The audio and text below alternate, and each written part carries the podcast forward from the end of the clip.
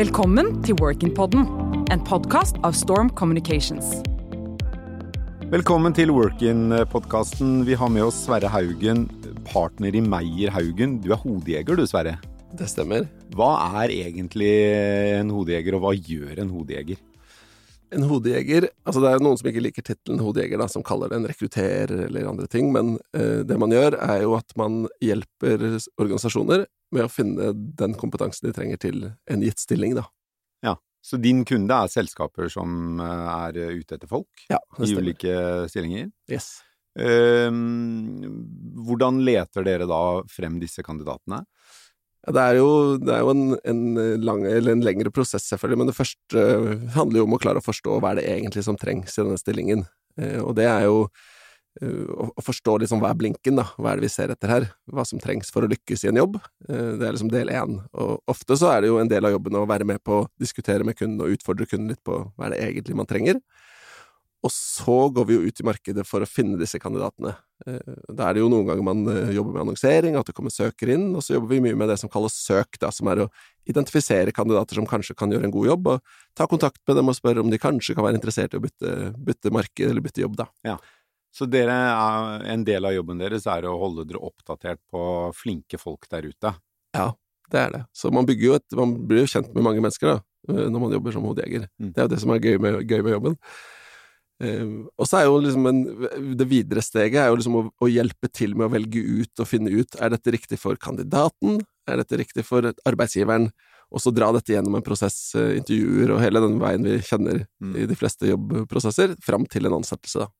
Det, det, er jo, det er jo mange som syns det er litt stas, det, det er det, å si at ja, nei, jeg ble, jeg ble kontaktet av en hodejeger og, og liksom eh, tilbudt denne jobben. Er det Opplever du at det er et stor pågang av folk som gjerne vil bli eh, jaget på av sånne som dere? Ja, vet du hva, der er faktisk svaret både og, for det, er det som er litt interessant, det er at for mange så er det veldig, så er det litt stas. Og det er jo hyggelig, ikke sant, når du vet at noen har funnet profilen din, ser at du kan noe, har hørt noe godt om deg og tar kontakt med deg, ikke sant, det er jo veldig hyggelig for veldig mange. Men så er det sånn at det er noen typer kompetanse som er så ettertrakta i markedet at de blir kontaktet veldig, veldig mye. Mm. Og de har ikke nødvendigvis lyst til å bli kontaktet av oss, fordi Mm. de er drittlei ikke sant, av å bli jakta på. Mm. Så, så det, det, det skiller litt med hva du kan, uh, om, om hvor stas folk syns det er, egentlig. Det, er jo så, det var jo Groucho Marx, komikeren, som for 100 år siden eller noe sånt, sa at en klubb som vil ha meg som medlem, ønsker ikke jeg å bli medlem av. ikke sant? Eh, er det litt sånn også at eh, de som eh, gjerne er på hodejegernes radar, er the usual suspects, mens de som virkelig er attraktive på arbeidsmarkedet, de ønsker ikke å ha noe med hodejegere å gjøre? Nei, det Nei, jeg tror nok ikke nødvendigvis det er det. Ehm, det er nok eh, Det handler nok mer om ganske enkelt den der supply and demand da, Mm. ute i markedet. At det er noen type kompetanse som det er såpass underskudd på i, i næringslivet generelt sett, og det er jo særlig innpå mye på teknologi, digitale stillinger. Eh, Så det handler nok mer om det. Og, eh, og flinke folk er flinke folk, og, psyko, og psykologien hos dem er på, på mange vis litt det samme, da. Så jeg tror det skiller mer på hva slags type kompetanse man har. Så er det jo individuelle forskjeller, selvfølgelig, da. Ja, du var jo litt inne på det, dette med teknologi. Jeg vil tro at uh, Java-programmerere, interaksjonsdesignere, den type stillinger, eh, er det et eh, voldsomt sug etter i, i norsk næringsliv, og også i andre organisasjoner. Eh, og jeg vil tro at der er dere og andre i din bransje veldig på hugget. Der, der er det veldig stort behov. Mm. Det er liksom inn på utviklere, arkitekter, sikkerhetsstillinger, data, data engineers.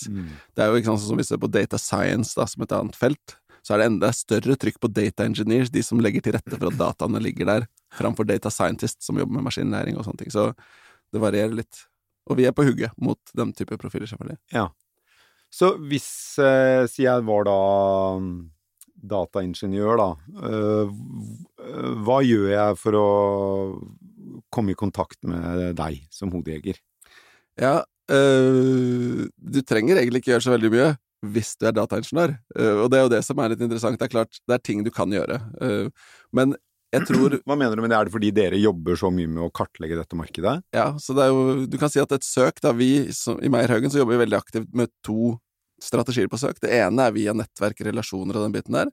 Men for at ikke det bare skal bli at du snur bunken og leker stollek med kandidater, så jobber vi også alltid med kaldt søk, det er altså ut på nye kandidater. Mm. Og da er jo jobben det å klare å identifisere disse folkene. Og for å bli funnet da, av en hodejeger, så er jo egentlig det beste trikset du kan gjøre, det er å ha relevant kompetanse. Sånn at hvis du sitter som data engineer, så er det ganske stor sjanse for at du blir funnet. Sitter du som eh, business analyst eller noe annet hvor det ikke, hvor det ikke er like mye bruk av hodejegere, så er det vanskeligere å bli funnet, ikke sant, hvis du tenker sånn. Mm. For det er noen typer profiler som letes mer etter enn andre. Og så, hvis du sitter der og har lyst til å bli funnet, så er det jo noen ting du, du bør tenke på som, som, du kan gjøre for å øke sjansen for at du faktisk blir funnet, hvis noen leter etter deg, da. Mm. Uh, og da er det ting sånn som å jobbe med hvordan LinkedIn-profilen din er, hvilke ord du bruker på LinkedIn-profilen, hvor du skriver hvilke ting på LinkedIn-profilen din.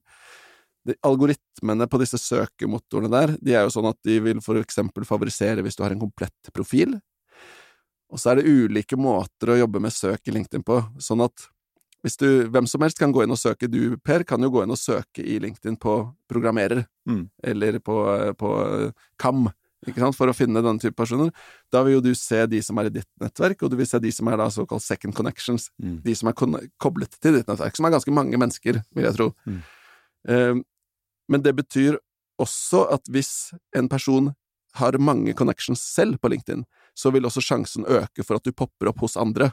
Så det å jobbe aktivt med, med å knytte til seg folk eh, på LinkedIn, det er veldig smart. Mm. Og jeg tror hvis det er én ting jeg skulle ønske noen hadde sagt til meg Nå husker jeg ikke, jeg tror jeg lurer på om LinkedIn var nok ikke engang der når jeg var student, men hvis det er én ting jeg hadde ønsket noen hadde sagt, så er det koble opp med alle du møter på LinkedIn. Du har ikke bruk for det nå, men kommer til, det kommer til å pay off in the long run. Det er et sterkt tips, altså. Så være veldig på når det gjelder å knytte kontakt med Sånn som dere igjen på LinkedIn. Ja. Knytte kontakt med alle du møter i jobbsammenheng. Det er kjempesmart. Ja. Det, det er, og jeg kan ikke I can't stress it enough. Det er liksom øh, Hvis vi tenker som ung, som skal inn i næring, altså inn i karriere De personene som du sitter og studerer med, de kommer du til å miste kontakten med etter hvert. Og kanskje om ett eller to eller tre år så er det den ene personen som forandrer livet ditt. Men du vet ikke ennå. Jeg er jo siviløkonom av utdanning, så hvis jeg da gikk, var på vei ut i, i jobbmarkedet eh, og var Jeg var eh, analytiker eh, et sted, ville jeg da i det hele tatt vært interessant for sånne som deg, eller er det uaktuelt? Eh, det kan godt hende, fordi at du ville vært det. Eh, At jeg ville vært uaktuell? Nei, at, ja, eller enten-eller. Fordi det er veldig mange det er veldig mange ikke forstår da, om min bransje, eller vår bransje, det er at som hodejeger så jobber man veldig oppdragsdrevet. Det vil si at til enhver tid så har man oppdrag som skal løses, stillinger som skal fylles, og det er litt ferskvare. Mm. Så hvis jeg hadde snakket med deg, eller hvis jeg jobber med et oppdrag som er relevant for den type profil du har, den kompetansen du har, da er det jo veldig, da er det interessant å finne deg og komme i kontakt med deg. Men så blir jo den jobben fylt. Kommer du litt etterpå da, så er det ikke sikkert at det er noen muligheter som matcher, ikke sant? Det er mange som kommer til hodejegere med flinke folk, flinke profiler som vi kan bli kjent med, Mm. og det vil vi jo, det er vi alltid interessert i, men, men det er ikke alltid vi har noen jobb som kan matche, da, Mm. som kan passe dem. Og da har dere dem i databasen, og så kanskje en dag så er det noe som er relevant. Så liker ikke jeg det ordet database, da, fordi vi, det, er jo, det er jo mennesker vi snakker om. Ja. Så det er jo relasjoner det er snakk om, og, og forståelse. Altså, en- det er en tillitsrelasjon da, som må Ja. bygges i dette. Jeg har selv brukt hodejegere, og jeg har eh, eh, blitt headhuntet. Og jeg ble headhuntet først, og, og da stusset jeg over at hodejegeren var veldig på selgeren overfor meg. Mm. Eh, men jeg skjønte det da jeg brukte hodejeger, fordi jeg ble litt overrasket over hvor dårlig databasen deres var over, eh, over folk, eller kartoteket, Ja. hva du vil kalle det da. Ja.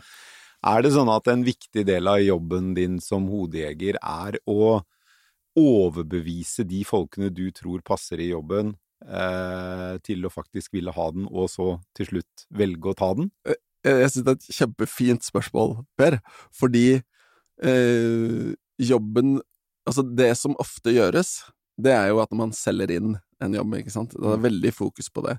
Men så er det også sånn at eh, ofte så er det et oversalg, ikke sant. Hvis jeg skal liksom prøve å lure, eller selge deg inn så mye at jeg nesten lurer deg litt inn, i- litt inn i prosess, ikke sant. Da Mm. blir det veldig salgsfokusert, da. Så vi tenker veldig sånn at uh, dette som handler om rekruttering, er som sagt ferskvare på stillingene, men det er det også på kandidatene. Fordi hvis jeg hadde kommet til deg som hodejeger og så treffer jeg deg når du er nettopp begynt i et selskap, superhappy og kjempefornøyd, da er jo ikke du interessert. Mm. Det er jo det, det øyeblikket du begynner å lure på noe, du kan være nysgjerrig på nye muligheter, eller du ikke har en jobb, så da blir det superaktuelt, ikke sant? Og um, nå, nå sporet jeg litt av her, men hva, hva, hva var det vi, Nei, spørsmålet altså ditt igjen? om i hvilken grad eh, du uh, jobber med å Selge, ja. inn Ja. en stilling til en mulig kandidat, Yes. da. Så det innsalget, da, det er for det første å sjekke av er det i det hele tatt interessant for deg. Er du, er du interessert i å bli solgt til? Det er den første avsekken. Og hvis du er det, så er det jo egentlig å gi deg så god og bra informasjon om den jobben det er snakk om, at du kan ta stilling til er dette relevant. da. Mm. Så du kan se at forskjellen på en rekrutteringsprosess med, med hodejeger og søk versus en søknadsbasert prosess hvor kandidater har søkt, er veldig stor. Mm. Fordi hvis du har en annonse ute og folk søker, så har alle sagt 'jeg vil inn i dette, jeg er interessert'. Ofte i en hodejegerprosess så er det kandidater som 'jeg vet ikke ennå, kanskje, det kan være interessant', og så blir den innsalgsbiten av det mye viktigere i starten, da. Mm. Men det, der er det jo mye rart som gjøres, og vi mener veldig sterkt at dette innsalget må man gjøre på riktig måte, og veldig på kandidatens premisser, da. Mm. Eh, Da blir det bra prosesser. Du, En ting som mange lurer på, kanskje særlig nyutdannede, det er jo dette med hull i CV-en. Eh, Mm. Hva gjør du med det hvis du har et halvår eller et år der det ikke står noe? Det er ubehagelig blankt. Mm. Hvordan skal du forholde deg til det? Altså jeg, eh, jeg, holder, jeg har holdt masse jobbsøkerkurs for studenter og jobbet masse med studentrekruttering, og det spørsmålet du tar opp, det er sånn klassisk spørsmål. Ja. Og så er det egentlig et, eh, og ikke for å si noe negativt om det, men det er et litt klassisk studentspørsmål. Ja. Altså. Og hull i CV-en er en greie, det er en ting man legger merke til, det er en ting de, de som jobber med rekrutterere, enten sånne som meg, eller de som ansetter i selskapet, vil lure på hva skjedde i denne perioden her. Så det beste tipset, eh, det er å ikke ha hull på CV-en. Ja, Men hvis man likevel skulle ha det halvåret på Magaluf, eller hva det måtte være, da. Ja. Da ville jeg fulgt det med noe. Da ville jeg sagt, eh, skrevet enten at her var det en eh, altså jordomseiling, om det er det, eller eh, eh, også arbeidspermisjon eller studiepermisjon. Bare skriv noe. Ja. Så kan du kanskje, du kan, du trenger jo ikke si hva det er. Du kan la det være litt åpent, men du må fylle det og si noe. Ja, men her tok jeg studiepermisjon. Og så er det opp til meg om jeg ønsker å gå inn i det, og da må du jo være forberedt på å kunne snakke om det. Ja. Og samme har du sittet inne, ikke sant. Hvis du har sittet et år i fengsel og har et hull i CV-en, så kanskje ikke du burde skrive ja, her har Satt inne. sona, ikke sant? Men Ja. du kan jo skrive ufrivillig arbeidspermisjon eller et eller annet, og så må du være forberedt på å snakke om det. Men det er jo livet. Nei, det er det ikke. Altså, det kommer jo an på hvordan du, hvordan du, hva du skriver, selvfølgelig, da. Og ærlig skal du være. Det er veldig viktig. Skal, det, er det dummeste du gjør, er å bli tatt, tatt i å lyve, da. Så det, eh, det inntrykket man får, er jo at det dere egentlig ser etter, det er sånne dydsmønstre som var elevrådsformenn fra de gikk i fjerde klasse, og hele veien eh, opp til eh, de, de søker jobb, så har de tatt på seg den type ekstra ansvar, vært eh, kaptein på fotballaget, osv. Altså, vi ser ikke, vi ser ikke etter dydsmønstre. Som regel, både vi og arbeidsgiverne jobber for. Men dere liker jo ikke hull i CV-en. Nei, vi, vi ser etter hele mennesker, Mm. og uh, vi er nysgjerrige på hull i CV-en. Mm. Om vi ikke liker det, kommer jo an på hva det hullet har vært. Mm. Hvis du? Så, det, Mm. så det er ikke noe fasit at et hull i CV-en ikke ikke er bra. Mm. Men det er klart, i prosesser, for eksempel til store selskaper som får mange søknader, hvor man kan velge blant 100 kandidater til hver stilling, eller 1000 kandidater inn til en stilling, så er det jo klart, da har man jo privilegiet av å velge de som har den beste CV-en. Mm. Og det er klart, da kan jo et hull være med på å skille deg ut, da. Mm. Men i en prosess til en enkeltstilling, så er ikke et hull i CV-en en, en, på noen måte en deal-breaker. Men du må være forberedt på å snakke om hva det er. Så det kanskje beste rådet man kan gi da, det er å være både åpen om det, og, og ja, Ja, ja. eie ditt eget hull i CV-en, yes, da. Yes, Ja. eie det. Og så må du huske på det her, da. Uansett hva det er, om det er et hull i CV-en, manglende kompetanse, hva som helst. Hvis du som kandidat ikke har noe problem med det, hvis du ikke føler noe skam, Mm. hvis ikke du har vanskelig for å snakke om dette, Mm. så har ikke jeg noe problem med det heller. Det øyeblikket du tenker at oh shit, her tror jeg jeg blir tatt på at Mm. det er et hull i CV-en, så er det mye større sjanse for at det blir vanskelig å snakke om, og for at dette blir et problem. da. Så du må, som du sier, det er veldig godt sagt, Per, du må eie det. Ok, så bra. Tusen takk skal du ha, Sverre Haugen. Tusen takk. Ønsker du å lære mer om spennende karrieremuligheter og hvordan du kan lykkes i fremtidens arbeidsliv? Trykk subscribe og følg Workin på LinkedIn og Facebook.